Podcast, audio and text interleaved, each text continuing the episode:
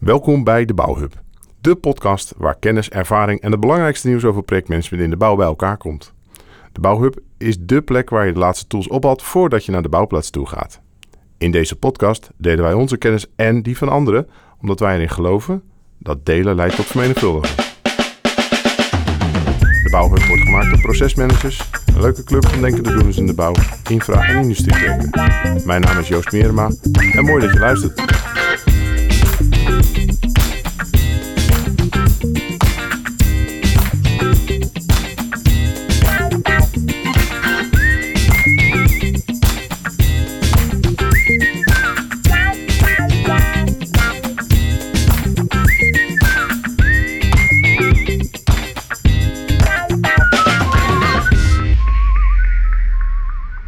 Vandaag in de Bouwhub bij ons de gast Johan Bolhuis, ontwerpmanager. En met Johan gaan we praten over de lastigheden en de ingewikkeldheden, de stormbaan die het ontwerpproces voor sommigen kan zijn. En, ehm, en, Johan, ik, eh, ik ken jou van een aantal projecten van een paar jaar geleden. Ehm, maar ja, ja, je kan jezelf natuurlijk het, het beste zelf eh, voorstellen. Ehm, wie ben je eh, en, en zou je iets kunnen vertellen over hoe jij ontwerpmanager bent geworden? Uh, ja, Johan Bolhuis van uh, Hoogtief. Ik ben ontwerpmanager bij Hoogtief. Uh, tevens ook hoofdontwerp voor Hoogtief in Nederland. ik heb in mijn hele carrière ben ik vanuit de constructie ben ik zeg maar verder gekomen. Ik ben van constructeur projectleider en uiteindelijk ontwerpleider ontwerpmanager geworden. En in het verleden heb ik met name bij aannemers gewerkt. Hiervoor ook bij BAM en bij Heijmans. En ik vind met name zeg maar het werken onder de aannemerij... Uh, heel leuk omdat daar het ontwerp het meest tot zijn recht komt, omdat je ook het meestal gaat bouwen. En uh, ja, ik denk dat met name het ontwerp bij de aannemer een specifieke uh, taak is, omdat je daar ook iets moet ontwerpen wat te bouwen is. En ben jij ooit ook bij een, heb jij ooit bij een ingenieursbureau gewerkt of altijd aan de kant van een aannemer? Ik heb heel vroeger, toen ik begon in 89, heb ik nog bij ingenieursbureaus gewerkt. Alleen van huis uit kom ik uit de aannemerij. En uh, ik had toch een beetje mijn bloed uh, kruipt waar het niet gaan kan. En uh, dus uiteindelijk heb ik toch gekozen om bij een aannemer te gaan werken. Omdat met name daar de vakinhoudelijke kennis heel essentieel is. Omdat ja, dat wat je bedenkt wordt ook echt gebouwd. Ja, ja, dan, dan, gaan we het natuurlijk zeker over hebben. En uh, even voor de luisteraars. Ik denk dat jij wel de langste gast tot op heden bent, uh, Johan, uh, in onze podcaststudio. Dat, ho dat hoor je niet als je, als je luistert, maar dat is misschien voor de beeldvoorwaarde. Ja, ik, ik tip net niet de twee meter aan. Ik moest eigenlijk wel in dienst. Ik ben uiteindelijk niet in dienst geweest, maar 1,99 slechts. 1,99, net op het randje. Oh, nou, dat is een... Uh, in ieder geval voor ons staat een, uh, een aantal uh, strekkende lengtes ontwerpmanager. En Johan, volgens mij, jij komt toch uit het noorden van het land? Kun je daar iets over vertellen? Ja, mijn oorsprong is Noord-Nederland. Ik ben geboren en getogen in Groningen. En daarna heb ik gestudeerd in Delft. Daar ben ik nog een tijd teruggegaan naar Groningen. En daar zat ik inderdaad bij ingenieursbureau. En uiteindelijk wou ik toch bij een aannemer. En ben ik uh, vertrokken naar het zuiden van het land uh, bij Heijmans om juist uh, bij een aannemer te gaan werken. om, om, om zeg maar ook dat uitvoering mee te kunnen nemen in mijn carrière. En ben je toen, toen je begon ook bij, bij Heijmans, nou jaren geleden, dat was voor de wereld van de design en construct, denk ik? Ja, ik heb zeg maar dat hele traject van design en construct meegemaakt. Hè. In mijn begintijd was het allemaal nog zeg maar RAW. Dat de aannemer alleen uitvoerde wat de ingenieursbureaus bedachten. En uh, toen ik begon was met name eerst dat de hulpconstructies en de engineering en constructfase. En ik ben zeg maar in de hele wereld gegroeid van design en construct. Ja, kijk eens aan. Ja, dat is, uh, dus en, en dat is denk ik dus al wel 30 jaar uh, die periode dat het begon vanuit RW ja, ik, 25? Ik ben in 89 begonnen met werken. Ik denk dat het vijf jaar later of zo begon dat een beetje te komen. Toen kregen we steeds meer engineering en construct. En uiteindelijk is dat doorgegroeid naar design en construct. Oké. Okay. En dat ging steeds verder. Dus de verantwoording was, werd steeds meer bij de aannemer neergelegd. Waarbij bij uiteindelijk de hele ontwerpverantwoording bij de aannemer terecht kwam. Dat dan uiteindelijk ook een beetje op mijn bordje kwam. En, kan je nog herinneren wat het eerste project was waar je dan ja, verantwoordelijk was of in ieder geval een ontwerprol had? Nou ja, ik ben ehm, natuurlijk met... eh, toen ik helemaal begon, ben ik begonnen eerst met, nog zelfs met houtskeletbouw. Ja, want dat is ook ontwerpverantwoordelijkheid. Dat is iets andere business als waar ik tegenwoordig in zit. Eh, ja, dus ik heb, ben met name woningbouw begonnen. Daarna U-bouw en eh, industriebouw en infra. Dus ik heb eigenlijk alle rollen een beetje doorlopen. En je Dus aller, allereerste project, weet je dat nog, welke dat was? Mijn aller, allereerste project... Dat was volgens mij... Want ik ben eerst nog even een jaartje in het Randstad. Dat was eh, Schiphol voorrijwegen. Oké. Oké. En Daar heb ik zeg maar de eh, berekening gemaakt voor de voorrijwegen van Schiphol. Die er nog steeds staan. Alleen eh, tegenwoordig staan ze binnen in plaats van buiten. en, en hoe noem je dat voor? Schiphol voorrijwegen. Dat zijn de wegen die voor Schiphol eh, langslopen. Oh, Oké, oké, ja, precies. Dat, die, ja, er, er wordt nog steeds gereden. Volgens mij hebben ze er ook wachtrijen tegenwoordig op die, die wegen. Ja, er staan heel veel mensen te wachten op die voorrijwegen. Hey, en en hoe, hoe verschilt dat ontwerp wat je tegenwoordig ziet in, in, in vergelijking met die beginjaren van je carrière? Nou, wat je dus ziet is dat er eh, in de beginjaren van de carrière was er wa- wat minder procesmatig eh, werken. Ehm, wat, wat ik heel opvallend vind, vroeger als je wat uitrekende, dan keek er misschien een keer iemand naar en dan was klaar. Ik heb ook ontwerpen gemaakt in het verleden, dan reken je het uit en dan ging het naar buiten en dan werd het gebouwd. Eh, waarbij je tegenwoordig goed procedures hebt om berekeningen te controleren, ook ontwerpen te controleren. Was dat vroeger gewoon minder. Eh, wat ik af en toe wel frappant vind, eh, ik heb niet het idee dat er vroeger minder instortte als nu. Dus het is denk ik ook een beetje eigenaarschap en houding en, eh, en vakkennis hoe, hoe sommige dingen gaan. Ik heb er geen verklaring voor, maar ik heb niet het idee dat er vro- vroeger minder misging als tegenwoordig met meer procesmaat. Ja, en, dat, en dat, ja, jij bent ook in een positie om dat een beetje te kunnen zien. Hè? Dus eh, dat is een nette manier om te zeggen dat je geen junior meer bent. eh. Nee, nee. Maar, eh, maar er zit ook wel iets in. Dat je zegt, ja, ehm, eh, sommige mensen zeggen vroeger was alles beter. Eh, maar dit is ook een heel interessante. Dus je, vroeger was het wel anders, maar Nee. was het niet slechter. Nee, vroeger was het niet beter, het was anders. Eh, je ziet dat in de huidige eh, constellatie er veel meer eh, dingen spelen. Het wordt ook wellicht complexer. Door de technieken die we hebben en de ontwerpen die we hebben, worden de ontwerpen ook wat complexer. En we moeten ook wat meer economischer zijn op sommige fronten. Dus we gaan wat meer langs de grenzen. Zoeken ook meer de grenzen op. En we kunnen ook mooiere dingen maken en ingewikkelde dingen maken dan vroeger. Ja, precies. Dus daar zit wel een groot verschil in. eh. Hey, en als jij het hebt over complex, wat is nou het meest complexe ontwerp waar jij tot nu toe aan gewerkt hebt?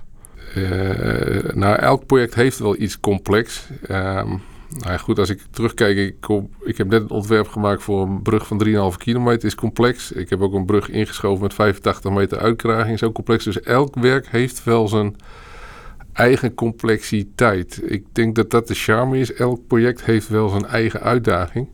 En dat wisselt. Eh, wij zijn samen ook nog een keer betrokken geweest bij de Leidse brug. Dat houdt ook zijn complexiteit van het inschuiven van het dek waarbij je in hele slappe grond staat. Dus elk werk heeft wel zijn eigen complexiteit. Dat maakt mijn vak ook het mooiste, omdat je in elk werk wel een technische uitdaging hebt over het algemeen. Hè? Zeker in die business waar ik in zit.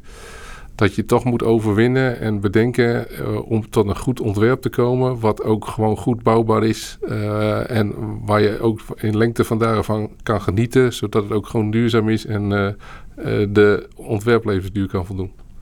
En betekent dat ook ehm, misschien wel dat, dat, de, dat de projecten, ehm, doordat er zo op de limiet wordt gewerkt, veel uitdaging, veel keuzes, bestaan er eigenlijk nog niet complexe projecten? Tuurlijk, er bestaan ook niet complexe projecten. Als jij, Maar waar jij aan werkt bedoel ik dan, hè? Dus waar jij eh, je dagelijkse... Eh, nou ja, meestal zijn delen van projecten zijn complex en delen zijn niet complex. Dus je moet het als geheel zien. En ja, het is, eh, ja, je wordt aangetrokken eh, en je, eh, kijk, het is een 80-20 procent. Je besteedt 80 procent aan, eh, aan eh, 20 procent van de techniek. Ja, precies. En, en dat bedoel je dus als ik jou de vraag wat is het meest complex? Zeg ja, eigenlijk elk project heeft wel zo'n element van, uit, van, nou ja, van heel veel complexiteit. En, en als je ze dan op een rijtje zet, zeg je, nou, er springt er niet één uit qua hoeveelheid van die complexiteit. Nee, er is niet één die, zeg ik, eh, extreem eruit eh, springt qua complexiteit. Ik denk ook dat een beetje mijn houding is. Ik ben ook best wel geïnteresseerd, generalistisch, wat er allemaal speelt. Mhm. Ik vind het ook heel interessant hoe alle systemen en alle, eh, alles gecombineerd samenwerkt. Mhm. En dat is niet alleen qua techniek, maar ook qua functionaliteit. Uiteindelijk bouwen we iets voor een functie. En we bouwen ook iets dat het gewoon moet functioneren en moet blijven functioneren technisch. Ja, precies. Hey, en, en een andere kant op, uh, je, je noemde al, hè, we hebben samengewerkt aan de, aan de Leidse brug, uh, bij de gemeente Amsterdam was dat. Dat was een uh, rijksmonumentale brug, die, die moesten we vervangen. En um, nou, een behoorlijk innovatieve oplossing door de, met, eigenlijk met voorbouw en inschuiven, geloof ik. Hè? Dus, dat, ja. dus dat was. Uh, maar even los van die techniek. Uh, als ik dan vervolgens jaren later met mijn dochters over die brug loop, dan word ik daar wel trots van. Hè? Dat is toch een. Het, is een team effort. Hè? Dus dat, ik bedoel niet, dat, ben ik. Maar het is gaaf om dat zichtbaar achter te laten. Uh, en daar nou, toch trots op te zijn. En dat. Misschien is dat het de sentimentele kant van een, een techneutenhart. Heb, je, heb jij dat ook met projecten dat je daar met trots langs rijdt of uh, voorbij komt? Uiteraard. Hè. Als je naar uh, projecten gaat die in het verleden gebouwd zijn, dan heb je toch het gevoel, ja, het is toch maar even gefixt. En, en nogmaals, hè, het is inderdaad niet, het is altijd een team effort. Ja, uh, het project is zo sterk als het team. de mensen, de, het gaat om de mensen die er werken en de manier waarop ze samenwerken. Het gaat niet om de individu, maar het gaat echt om hoe het team als geheel functioneert. En natuurlijk, uiteindelijk gaat het ook om de inhoud van de mensen die in het project zitten. Mm -hmm. Je hebt van allerlei mensen nodig, van alle disciplines, van alle inhoudelijke dingen, hè, ook inhoudelijke dingen. Als de, die mensen met elkaar goed samenwerken, goed communiceren, heb je een beter project. Kijk, nou, kunnen we de, dan, dit is wat de podcast. nou, ik maak een grapje natuurlijk, maar uh, volgens mij sla je hier wel een, een spijker op zijn kop natuurlijk.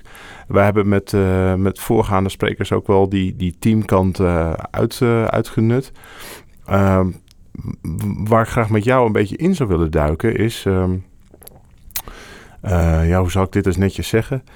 ik zie teams en samenwerking mensen. Het gaat altijd ook wel over. Dat gaat ook over inhoud. En de, de, inhoud is ook belangrijk. Maar dat beweegt ook veel langs de band van, van processen en samenwerkingen. Um, maar af en toe krijg ik ook wel eens de feedback. Uh, dat fotootje van, uh, van één man die staat er met een schep in zijn hand. En er staan twintig managers omheen. Hè? En, en jij bent misschien even voor mij dan nou ja, vertegenwoordiger van de mensen die het dan moeten doen. Die het moeten ontwerpen. Hè? Dus die het berekenen en ontwerpen. Um, vind jij, uh, heb je al een beetje beeld bij wat ik bedoel met die vergelijking? Oftewel, leunen we veel op processen en andere dingen dan op techniek? Maar je had hem zelf ook al naar voren van ja, het is wel belangrijk. Hoe, hoe kijk nou, je daarnaar? Uh, heel belangrijk is dat de vakkennis van de mensen in het project voldoende is. Uh, je kan met een proces niks bouwen, maar je kan met vakkennis ook niks bouwen zonder proces. En de uh, truc is dat je voldoende vakinhoudelijke kennis in je project hebt. En ook op een hoog uh, genoeg niveau, dat er voldoende beslissingsvaardigheid is. Dan in combinatie met een proces wat je moet doorlopen. Ja. Hè, dus je zou verwachten dat ik niet zo proces ben, maar een, een goed ontwerp is ook een goed proces, hoort daarbij. Het is, uh, nou goed, misschien hebben we het daar apart nog een keer over. Dat zijn de uh, ontwerpfases die je moet doorlopen. Mm -hmm. Als je vanuit vakinhoud, en zorgt dat er voldoende mensen zijn die de vakinhoud hebben, en de processen volgt, is in mijn beleving de beste uh, om een, een, zo goed mogelijk resultaat te krijgen. Kun jij uitleggen aan nou, de luisteraars wat voor jou de rol van een ontwerpmanager is over al die fasen. Wat, wat doe jij de hele dag? De rol van de ontwerpmanager is om te zorgen dat hij een ontwerp maakt wat de klant wil. Dus de, dat hij de, een ontwerp maakt wat de functionaliteiten uh, zijn die de klant wil. Mhm. En dat kan heel sterk vanuit het proces. Dat hij ook een ontwerp maakt wat goed is. En dat is vanuit de vakinhoud. Dat je een goed ontwerp hebt en dat uh, de goede uh, uitgangspunten hebt. En een ander ding is dat hij ook nog zorgt dat het op tijd klaar is. Hè, dat we met z'n allen zorgen dat we één goed doel hebben, dat het ontwerp klaar is. En last but not least, dat het ook nog een beetje binnen budget past. Dat, kan ook, dat zou ook best wel goed zijn en daar sta ik ook voor. Ja, en zeker natuurlijk aan die, aan die marktkant uh, is daar best wel veel gebeurd de laatste, nou, dat zullen we zeggen, 10, 15 jaar. In de zin van, uh, nou ja, aan het eind van het budget bleek er toch nog een stukje ontwerpen of een stukje bouwproject uh, over te blijven. Ja, dus, dus wat je heel veel ziet is dat die, die budgetten van ontwerp heel veel onder druk komen. Dat is met name omdat de cycli die doorlopen worden te lang doorlopen worden. En dat zeg maar de, het hele ontwerpproces dan toch uitloopt. Omdat dingen worden gemist en dat je dan weer terug in de tijd moet. Het, met name het teruggaan in de tijd van het ontwerp is een van de grootste redenen uh, dat ontwerpkosten uitlopen. En dat teruggaan in het ontwerp heeft natuurlijk meerdere oorzaken. En wat vergt dat voor jou als jij ontwerpmanager bent, als je dit weet?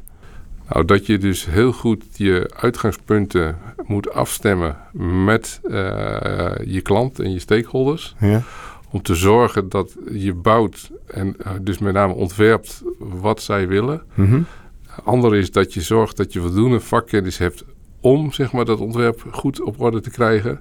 Dat je voldoende tijd krijgt en neemt om het ontwerp te doen.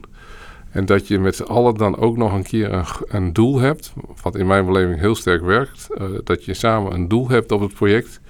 En dat je dan uh, uiteindelijk samen met het team dat doel gaat bereiken. En, en kun je dat dus, uh, nou ja, kun je dit illustreren met een, een, voorbeeld van een project? Welk, welk project is dat goed gelukt dat je dit zo deed? nou, dat zijn wel meerdere projecten. Hè? Dus het is met name, zeg maar nou, ik, ik heb ook op Driebergen Zeist gezeten. Is dat je dus met z'n allen zegt... op die, die en die datum moeten gewoon zorgen... dat het definitief ontwerp klaar is. Mm -hmm. Dan heeft iedereen tussen de oren zitten... dan moeten we het uh, gaan afmaken. Dat is niet alleen voor jezelf... maar dat is ook voor je opdrachtgever. Die weet ook waar hij aan toe is.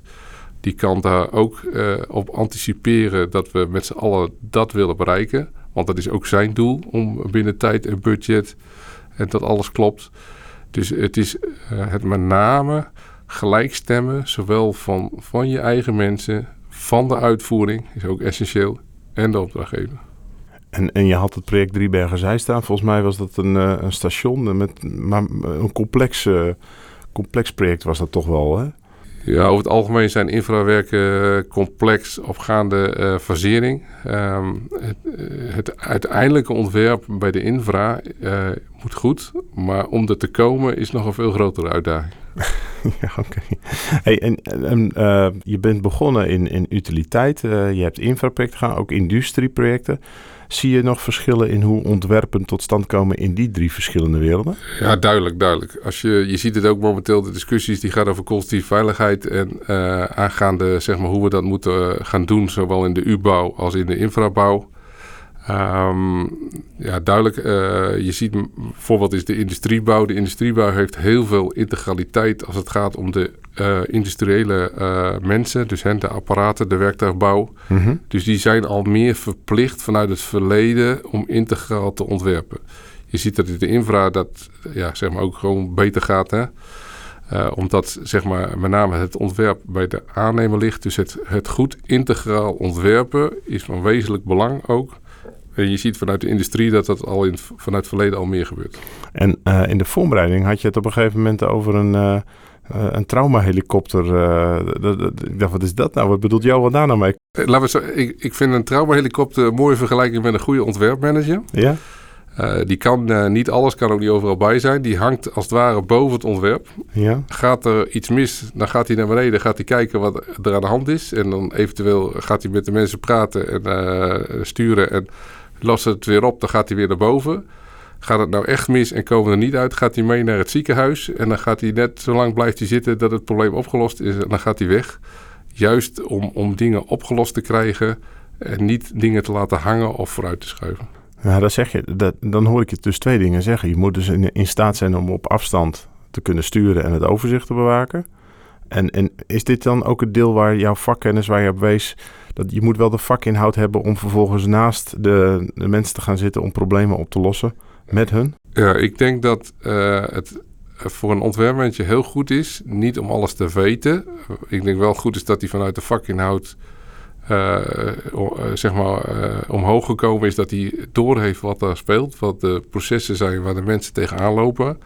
Maar ik denk ook dat het goed is dat een ontwerpmanager een generalistische blik heeft en een gezonde vorm van uh, geïnteresseerdheid heeft ook voor de andere vakdisciplines. Mm -hmm. En die interesse helpt hem verder om juist al die vraagstukken aangaande integraliteit en aansluiting van alle uh, ontwerpen uh, ja, verder te helpen. En ook goed te kunnen communiceren met alle vakspecialisten, ondanks dat hij niet overal verstand van heeft. Klinkt goed. Maar het, het lijkt me ook lastig, hè? want zo'n zo'n zo'n uitspraak die je dan wel eens hoort is van ja, ontwerpers zijn nooit klaar. Hè? Dus uh, Eh, ja, ik weet niet of je er wat beeld bij hebt als ik dat zo zeg. Maar ja. Johan, jij, jij en jouw mensen zijn nooit klaar in een project. Nee, maar goed. eh, Wat vind je daarvan? ik zeg altijd, wat goed is, hoeft niet beter. Oké. Eh, ontwerpers hebben een beetje de neiging om het... Het kan altijd beter. En het kan altijd anders. Maar op een gegeven moment moet je ook durven ergens een punt achter te zetten. En, en dat is een beetje... Ontwerpers zijn niet klaar. Maar dat is ook een beetje... eh, ontwerpers zijn niet klaar. Die, eh, ontwerpers mogen ook op een gegeven moment zeggen van dat is het. En eh, ik kan ook zeggen, klanten kunnen ook eh doorbijvragen. Kan het anders? Het kan altijd anders. Precies. Nou, ik denk dat we een beetje het ontwerpmanagement in algemene zin en nou ja, hoe jij erin staat wel, wel gehad hebben. Ik, ik zou een beetje willen inzoomen op het ontwerpproces. Zijn vraag is namelijk de volgende. Hoe stuur je een ontwerpteam goed aan? Nou, in mijn beleving, hè, we hebben het er natuurlijk ook al over gehad. Een ontwerpteam moet je zorgen dat je samen tot het ontwerp komt. Dat je de vakinhoudelijke mensen tot hun recht laat komen. In combinatie met de procesmatige mensen. Dat je goed je doelen eh, vaststelt. En uiteindelijk ook met de opdrachtgever eh, zorgt dat die doelen eh, gehaald kunnen worden. En als je dat allemaal goed hebt, dan kan je met een ontwerpteam samen een heel mooi ontwerp maken. Als een ontwerpteam om meer, om meer tijd vraagt om een probleem op te lossen. Ja, dat is ook een ding. Geef het ontwerpteam ook de tijd. En ga niet zeggen, het kan wel sneller. eh, Ja. Omwille van, eh, omdat je aan het eind van het project klaar moet zijn. Eh, sommige dingen hebben tijd nodig. Ik heb daar ook wel een mooie uitspraak over. Van, je kan met één vrouw in negen maanden een kind maken. Maar het gaat je niet lukken om met negen vrouwen in één maand een kind te maken. Sommige dingen hebben gewoon tijd nodig. Nee, ik denk dat die staat. Heel mooi antwoord. eh dat, dat, ja, dankjewel. En eh geef dan maar even een soort van eh, blokje 2. Hè? Dus als je nu luistert, denk ik, oh, ik moet even wakker worden. Ja, is blokje 2. We willen wat, wat induiken, namelijk op het verloop van een ontwerpproces. Die stappen, je noemde er net al iets over. En nou ja, zoals dat dan heet, wat zijn nou kritieke succesfactoren? Hè? Dus waar moeten we nou op letten? En, en mijn, mijn hoop is dat eh, door jou daarover te laten vertellen, dat ook niet-ontwerpleiders, eh, projectmanagers, contractmanagers of eh, wie dan ook, in één keer beter snapt hoe kunnen wij het ontwerpproces of een ontwerpmanager nou maximaal ehm, nou ja, faciliteren of helpen, of in ieder geval niet in de weg zitten, om het zo maar te zeggen. Dat, dat zou een beetje mijn ambitie zijn. Als ik dat zo neerleg, is dat haalbaar? Ja, dit is herkenbaar. Het ontwerpproces bestaat met name uit fases. Hè. Afhankelijk Mhm. van de UBouw heb je bijvoorbeeld ook een technisch ontwerp. Bij de infra heb je eh, ja, zeg, eh, schetsontwerp, voorontwerp, definitief ontwerp, uitvoeringsontwerp. Mhm. Wat heel essentieel is, is dat je eh, met elkaar afspreekt wat eh, gaan we nu doen van SO eh, naar VO, van VO naar DO. Wat willen we samen weten? Wat dan ook essentieel is, is dat als je die keuzes gemaakt hebt in die fases, dat je eh, zowel eh, als uh, uitvoerende partij, laten we even zeggen, als aannemer en opdrachtgever dan er ook over eens bent, dit is het. Wat je vaak ziet is dat uh, heel veel dingen naar voren worden geschoven. Uh, dat men zegt, dat lossen we later wel op. Mhm. En dan blijkt het later niet oplosbaar en dan moet je terug. En dan, be dan begint zeg maar de chaos en de ellende van terug. En dan moet je weer gaan inhalen en dan moeten mensen weer sneller werken. Durf je daar een voorbeeld van te noemen waar je dat gezien hebt? Of wat, wat we, een project wat we misschien allemaal kennen, waarbij je zegt, dat is nou een schoolvoorbeeld dat het daar zo ging? Dat is altijd een beetje moeilijk hè, van, uh, om daar een voorbeeld van te noemen. Want uh, nou goed, uh, je ziet het al in projecten als uh, Zuidasdok. Die kent iedereen. Nou, ja, goed, daar is niet alles lineair verlopen en uh, is men tot een conclusie gekomen. Daar is men ook gaan ontwerpen en weer terug. En je ziet waar dat toe leidt. Dat leidt tot heel veel schokken. De kostenoverschrijdingen en tijdsoverschrijdingen. Ja, dat had wellicht iets anders gekund. Met alle redenen van die. Dus wat je aanhaalt, om even nog samen te kijken of je goed begrijpt. Uh, we, het is niet lineair verlopen. Um, is dat eigenlijk op elk project niet? Want ik, ik ken geen projecten waar ontwerpprocessen lineair verlopen eigenlijk, Johan. Dat is zo'n fata morgana. Ja maar, ja, maar daarom hebben we dus ontwerpfases. Hè? Je, hebt dus, je moet binnen de ontwerpfases cyclisch zijn. Ja. Ja, ik, de, de mensen willen niet horen, maar het eigenlijk een beetje, soms is het uh, zelfs uh, chaotisch. Je haalt alles erbij en je lost het op. Maar tussen de ontwerpprocessen moet je lineair zijn. Daarom is het van belang dat je dus tussen de ontwerpprocessen goed voor jezelf uh, definieert wat je wil gaan halen tussen de ontwerpprocessen. en je daar ook aan houdt. En daartussen moet je dus kijken om naar de beste oplossing te komen. Nou, en dan moet je dus alles meenemen wat daar speelt. En je ziet ook dat hoe verder in het ontwerpproces, hoe lineair het wordt. In het begintraject, in het VO, heb je veel meer keuzes te maken. Dus is het ook wat meer cyclisch. Mhm. In het UO moet het juist lineair zijn. Dan is het bij wijze van spreken tekeningetje, de afronden en je detail oplossen, die je eigenlijk in het voortraject al bedacht hebt. Mhm. Want dat zien we ook vaak, dat details weer maatgevend zijn voor de fase daarna. Mhm. En dat is dan ook een stukje vakkennis. Welke details moet je oplossen om in de fase daarna niet weer terug te hoeven? En natuurlijk blijft het moeilijk en het, uh, iedereen streeft ernaar dat het uh, zo goed mogelijk is. Uh, maar ja, de bedoeling is juist om tussen die fases lineair te zijn. En als je daaraan houdt, dan gaat het het best. Dat is een mooi beeld. En ik, um, ik zit nog even te denken aan, uh, aan die helikopter. Hè? Um, dus volgens mij, wat jij beschrijft, is dat als jij in een fase zit en er zijn daar problemen. en je gaat niet met die helikopter naar beneden om het probleem op te lossen. Dan is het blijkbaar heel erg verleidelijk om die problemen naar een volgende fase door te schuiven. Ja, mensen, dat is mens eigen, hebben de neiging om het probleem voor zich uit te schrijven. Er is niks leuker als het probleem een beetje voor je uit te schuiven, want dan heb je er nu geen last van. Maar als je het nu niet oplost, hè, uh, uh, dan heb je er later last van. Dus je moet echt zorgen, als je een probleem constateert, dat je het oplost. En zeker weet dat je het later niet terugkrijgt. Maar ja, het is een beetje, ik denk zelfs mens eigen om dingen, uh, als het nu niet hoeft, schuif het maar vooruit. Ja, en als dat nou meer tijd kost, Johan, hè, dan ga ik even als projectmanager.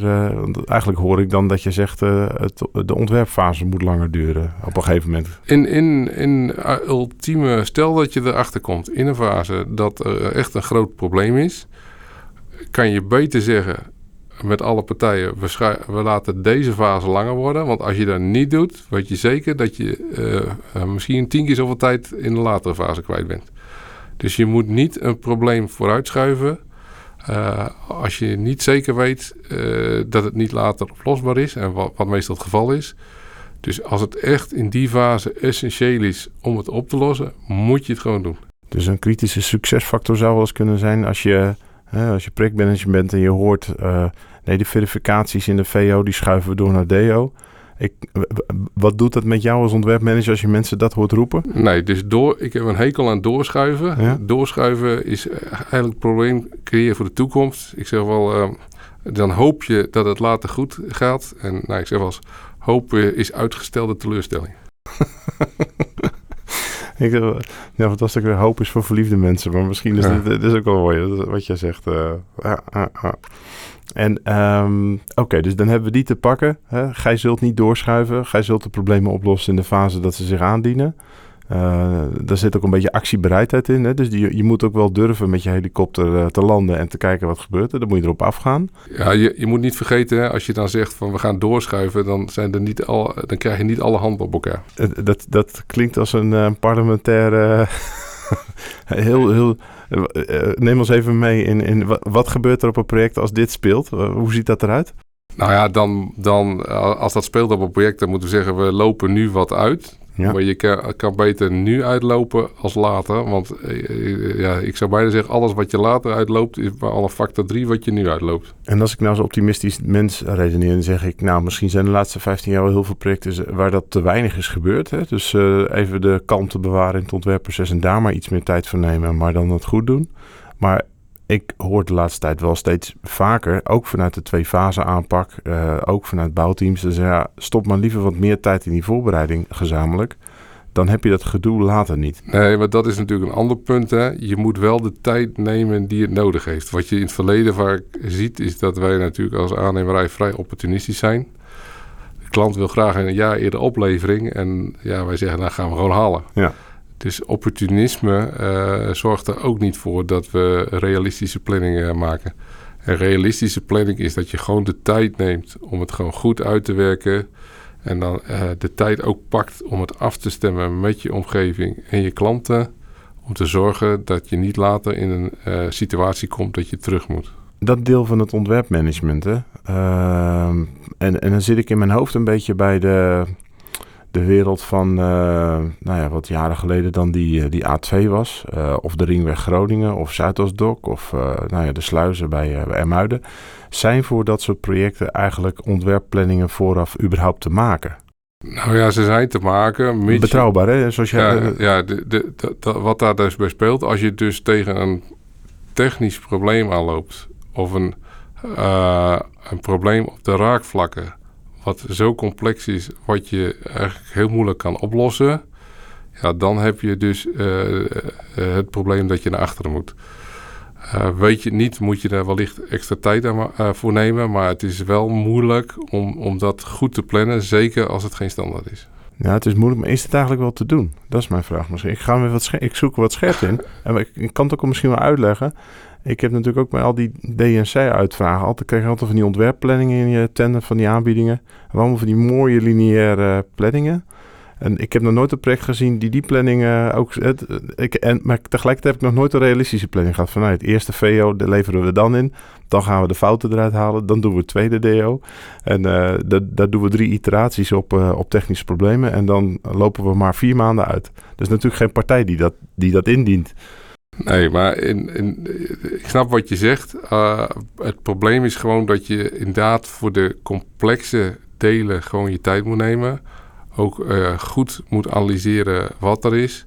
Uh, wat alleen momenteel een beetje de neiging is om, om planningen te verkorten. Uh, ook onder druk van, omdat de uitvoering aan het eind klaar moet zijn. Mm -hmm. ja, dus ja, goed werk gaat goede voorbereiding aan vooraf. En dat is het ontwerp en de klant en de uitvoering. Ja. Want ook vaak zie je dat het, wat ik al eerder zei, dan heb je een definitief ontwerp. Zo moet het komen. Maar de weg ernaartoe kan weer impact hebben op het definitief ontwerp. En dat wordt ook wel eens vergeten. En je haalde net aan dat tussen de ontwerpfases moeten lineair zijn. Is dat een soort, uh, voelt het ook anders? Dus uh, je rond een fase af en, en, hoe lang duurt die tussen de fases? Nou ja, tussen de fases hangt natuurlijk af hoe groot uh, het ontwerp moet zijn. maar je moet echt zorgen dat, dat lineair bedoel ik, je maakt een keuze en je houdt je aan die keuze. Want mm -hmm. als je tussen de fa fases lineair, hè, dus de, of tussen de fases cyclisch en van fase naar fase lineair, als je dus een keuze die je gemaakt hebt tussen de fases, als je die gaat veranderen, dan word je dus teruggeworpen in de tijd. Mm. En als je teruggeworpen in de tijd, ga je wijzigen. Als je gaat wijzigen, dan heb je opnieuw afstemming van je raakvlakken. Heb je mogelijk opnieuw afstemming van je ontwerp. En, ja, en dan, eh, ja, dan kom je dus in een rare cyclus. Waarbij je dus dingen die je in het verleden al berekend en besloten hebt en afgestemd, opnieuw moet afstemmen. Ja, en dan, dan kan je uh, door, ook door tijdsdruk worden er wat dingen vergeten. En dan, ja, dan is de rust een beetje uit het ontwerp.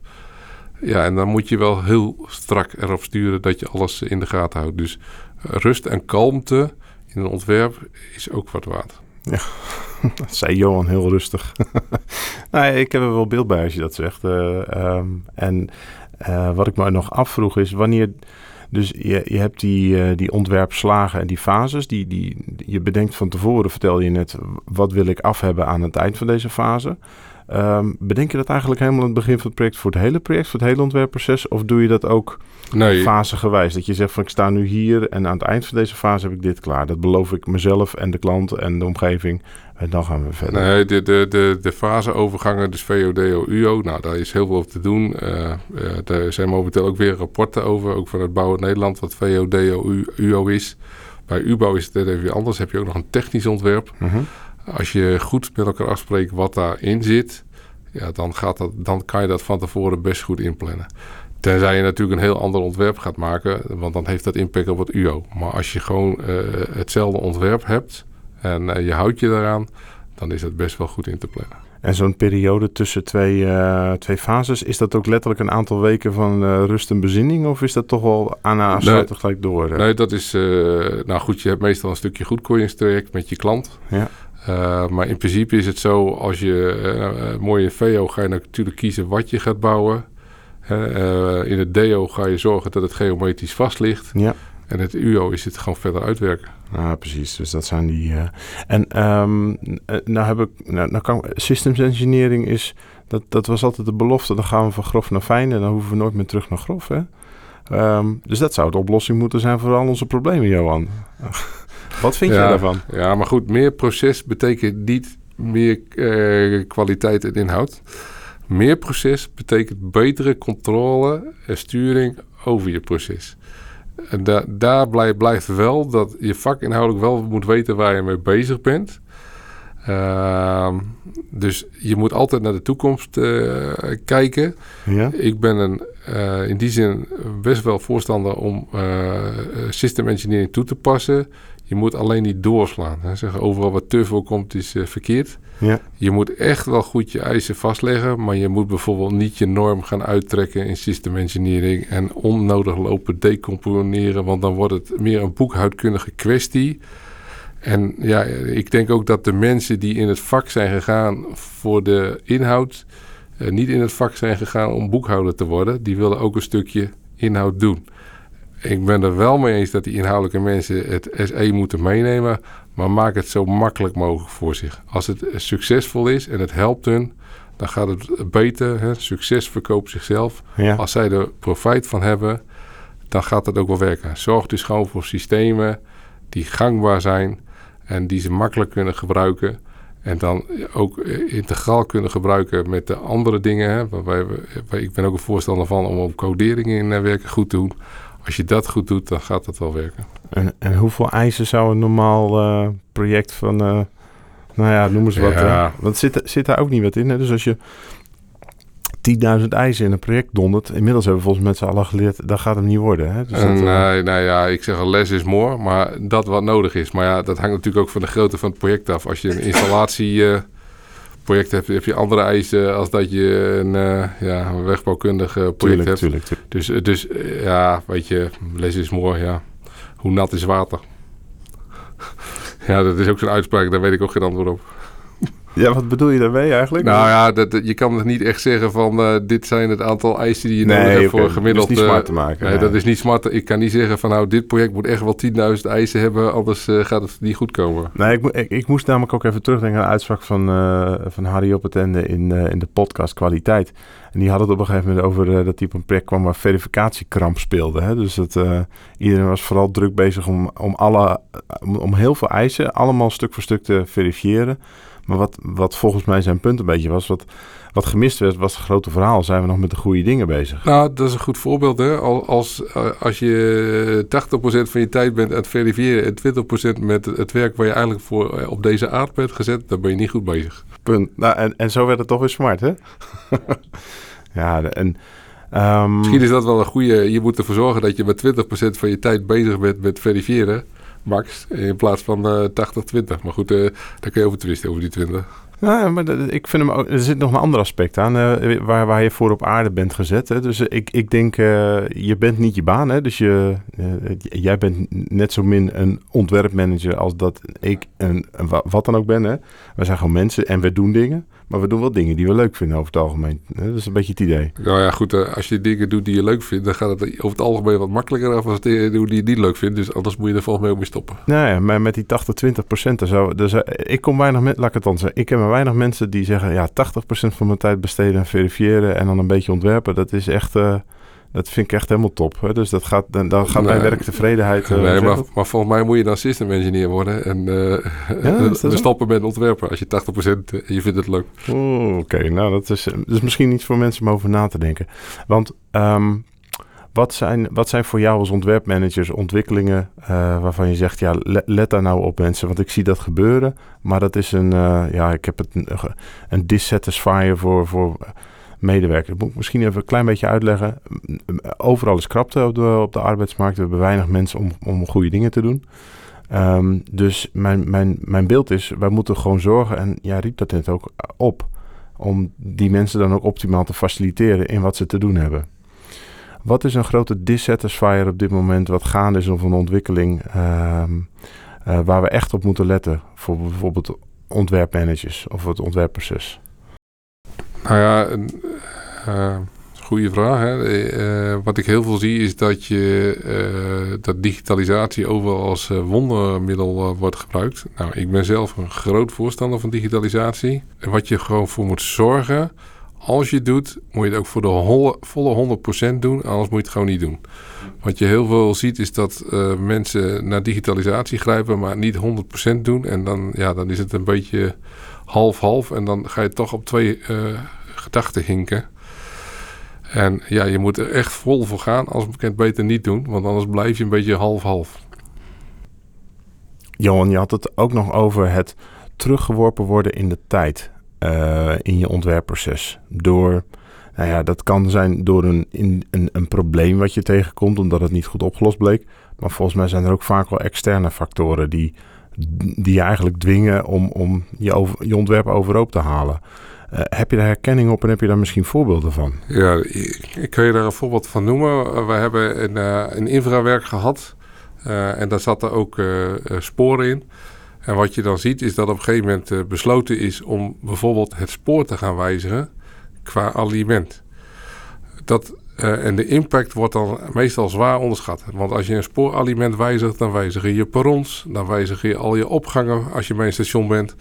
Uh, dus de hele inpassing betekent dat je helemaal teruggeworpen wordt. Dan moet je al je beton, alles moet je opnieuw gaan bekijken. En wat meestal dan niet gerealiseerd wordt, dat nieuwe uitgangspunten uh, best wel heel veel tijd kunnen kosten. En, ja, en meestal wordt er dan gezegd: nee, het moet nog steeds in dezelfde tijd. En dan kom je in de eh, squeeze. Dat je binnen dezelfde tijd alles opnieuw moet doen. Maar eigenlijk ook nog de dingen vanuit de uh, terugwerkende kracht. Waarbij je ook al je raakvlakken opnieuw weer moet afstemmen. En dat werkt uh, contraproductief voor de mensen. Want die worden, komen dan onder druk. Eigenlijk moet je dan ook zeggen: ik neem er ook gewoon extra tijd voor. En dat is soms heel moeilijk bespreekbaar. Oké. En, en, en dat dat... Het raakt volgens mij mensen ook. Hè? Op het moment dat je zegt... tenminste, dat is mij wel eens verteld. En eigenlijk is het ook wel logisch. Maar daar staan we misschien ook niet altijd bij stil. Een gewijzigd uitgangspunt. Uh, nou, zou een opdrachtgever kunnen zeggen...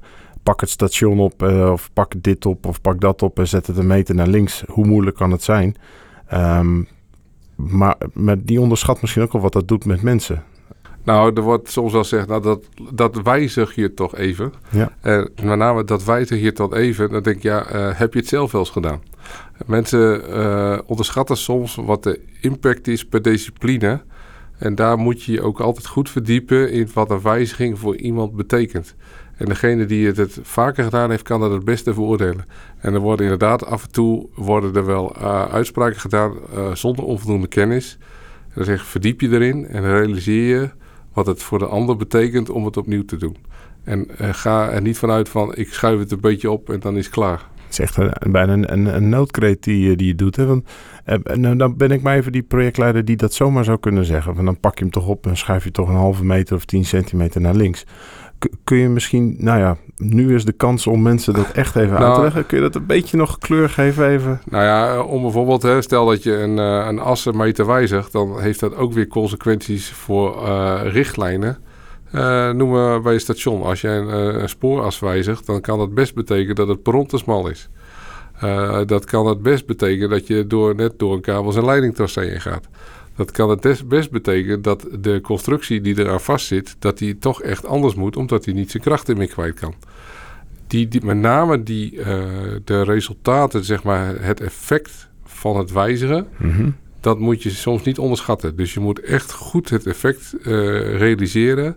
En ik vind dat ook een beetje een taak van de ontwerpmanager om daar voldoende tegengas in te geven uh, naar de opdrachtgever of de projectleider om hem duidelijk te maken dat hij doorheeft waar hij over praat.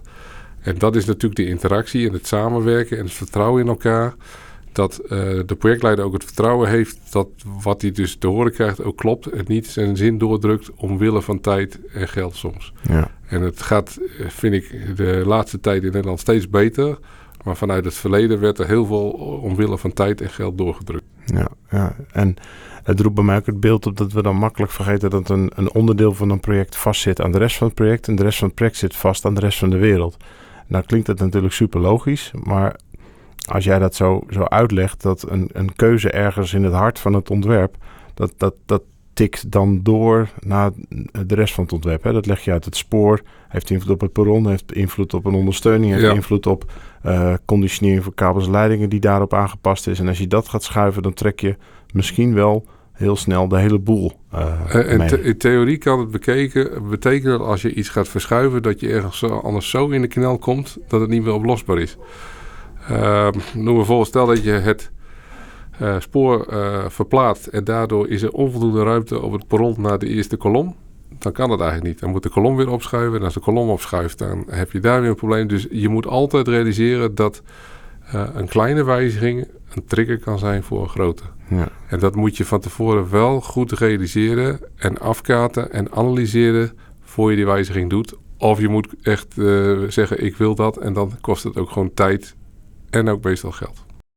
En ik heb ook wel geleerd, ontwerpers vinden het over het algemeen niet zo leuk als ze drie maanden zich helemaal de nou, de tandjes hebben zitten zweten en werken om iets voor elkaar te krijgen. Als er dan, uh, nou ja, verkeer van links komt als het ware, die zegt, bop, nee, maar Ja, maar goed, iedereen wil graag uh, waardering voor zijn werk. Ja, hè? Dat is ook, hè, ook uh, iedereen in een team is op zoek naar een stukje waardering. dat is een menselijk gedrag en ik vind ook dat het moet. En ja, iedereen in het team is waardevol, want uiteindelijk moet je samen moet je zorgen dat je het ontwerp maakt. Alleen ga je het niet redden samen alleen. En dan is het ook nog samen zo goed mogelijk afstemmen, zodat niemand uiteindelijk uh, in de verdrukking komt en dingen opnieuw moet doen. Nou, Johan, in ieder geval heel veel waardering dat jij ons een inkijkje hebt uh, gegeven in de wereld van ontwerpmanager en ontwerpmanagement. Ik hoop dat het bijdraagt aan een stukje begrip ook van, uh, nou ja, niet-ontwerpmanagers, van wat, wat, heb, wat heeft een ontwerpteam nodig en wat speelt daar nou? Um, zijn er dingen nog waar je op terug wil komen of die je misschien nog wilt nuanceren? Nou, wat ik misschien wil nuanceren is dat ontwerpen is mensenwerk. Mensenwerk geeft fouten. Uh, het kan altijd anders lopen dan dan het is. Dat moeten we ons ook realiseren. Dus we kunnen de theorie zo goed mogelijk hanteren. Maar uiteindelijk, wat ik uh, ook al eerder gezegd heb, is dat het gaat om de mensen die er werken en de manier waarop ze samenwerken. En daar moet je ook in calculeren dat dingen soms anders gaan lopen als van tevoren bedacht. Maar we kunnen er wel naar streven om het zo goed mogelijk te voorspellen en uh, mogelijk te maken. Maar realiseer je dat het op sommige punten altijd anders kan lopen. Daar is misschien ook de ontwerpmanager naar voor om in dat geval te zorgen dat het traject uiteindelijk weer soepel op de rails komt. Nou, heel mooi. Johan, meer dan vriendelijk bedankt uh, voor jouw tijd en dat je ons uh, meenam. Dat je nog maar vele mooie ontwerpen mag, mag realiseren. Met vol trots daar, eh, daar mag kijken, dan kijken wij met jou mee. Want we zijn allemaal toch wel heel trots wat we uiteindelijk in, eh, in Nederland aan eh, ingewikkelde en complexe, complexe opgaven weten te realiseren. Dus uh, dank je wel daarvoor. Ja, ik denk dat we ook in Nederland gewoon ook trots moeten zijn wat we al, inderdaad wat je zegt, gerealiseerd hebben van vakinhoudelijk. Er zijn best wel dingen die wereldwijd, hè, noem de Delta-werken, waar wij in Nederlanders best ook wat trots op kunnen zijn en dat ook best mogen uitdragen. Eh, voor de mensen die het helemaal uit hebben gezeten. Je hebt zelfs in het buitenland op, op de televisie nog eens een iets mogen vertellen. kan je die nog even als toegift geven? Oh ja, ik heb ooit uh, de eerste geprinte uh, brug ter wereld gedaan in Gemert. En het resultaat was dat het, toen die geplaatst werd, dat het bijna op alle zenders kwam. En ik kreeg uh, uiteindelijk een interview van de Russische tv. Momenteel zou je dat wat minder vinden. Maar destijds was ik er best wel een beetje trots op. Want dat gaat me waarschijnlijk één keer en nooit weer gebeuren. 15 minutes of fame. Johan, bedankt. En uh, tot ziens op de, op de Bouwhub. Dankjewel. En daarmee eindigen we deze aflevering van de Bouwhub. Reacties op deze aflevering kun je sturen uh, via de e-mail naar podcast.processmanagers.nl of via onze social media kanalen. Laat ook vooral een berichtje achter op LinkedIn uh, wat je ervan vond. Uh, wil je meer afleveringen van de Bouwhub luisteren? Uh, vergeet dan niet op het plusje of op het hartje te drukken. Dus abonneer je dan op, onze, op de verschillende platforms Spotify en Apple om, om geen afleveringen te missen. We hopen in ieder geval dat je vandaag weer wat kennis en tools hebt opgedaan die je morgen kunt toepassen op jouw bouwplaats. Voor nu heel veel bedankt voor het luisteren en graag tot de volgende keer op de Bouwhub.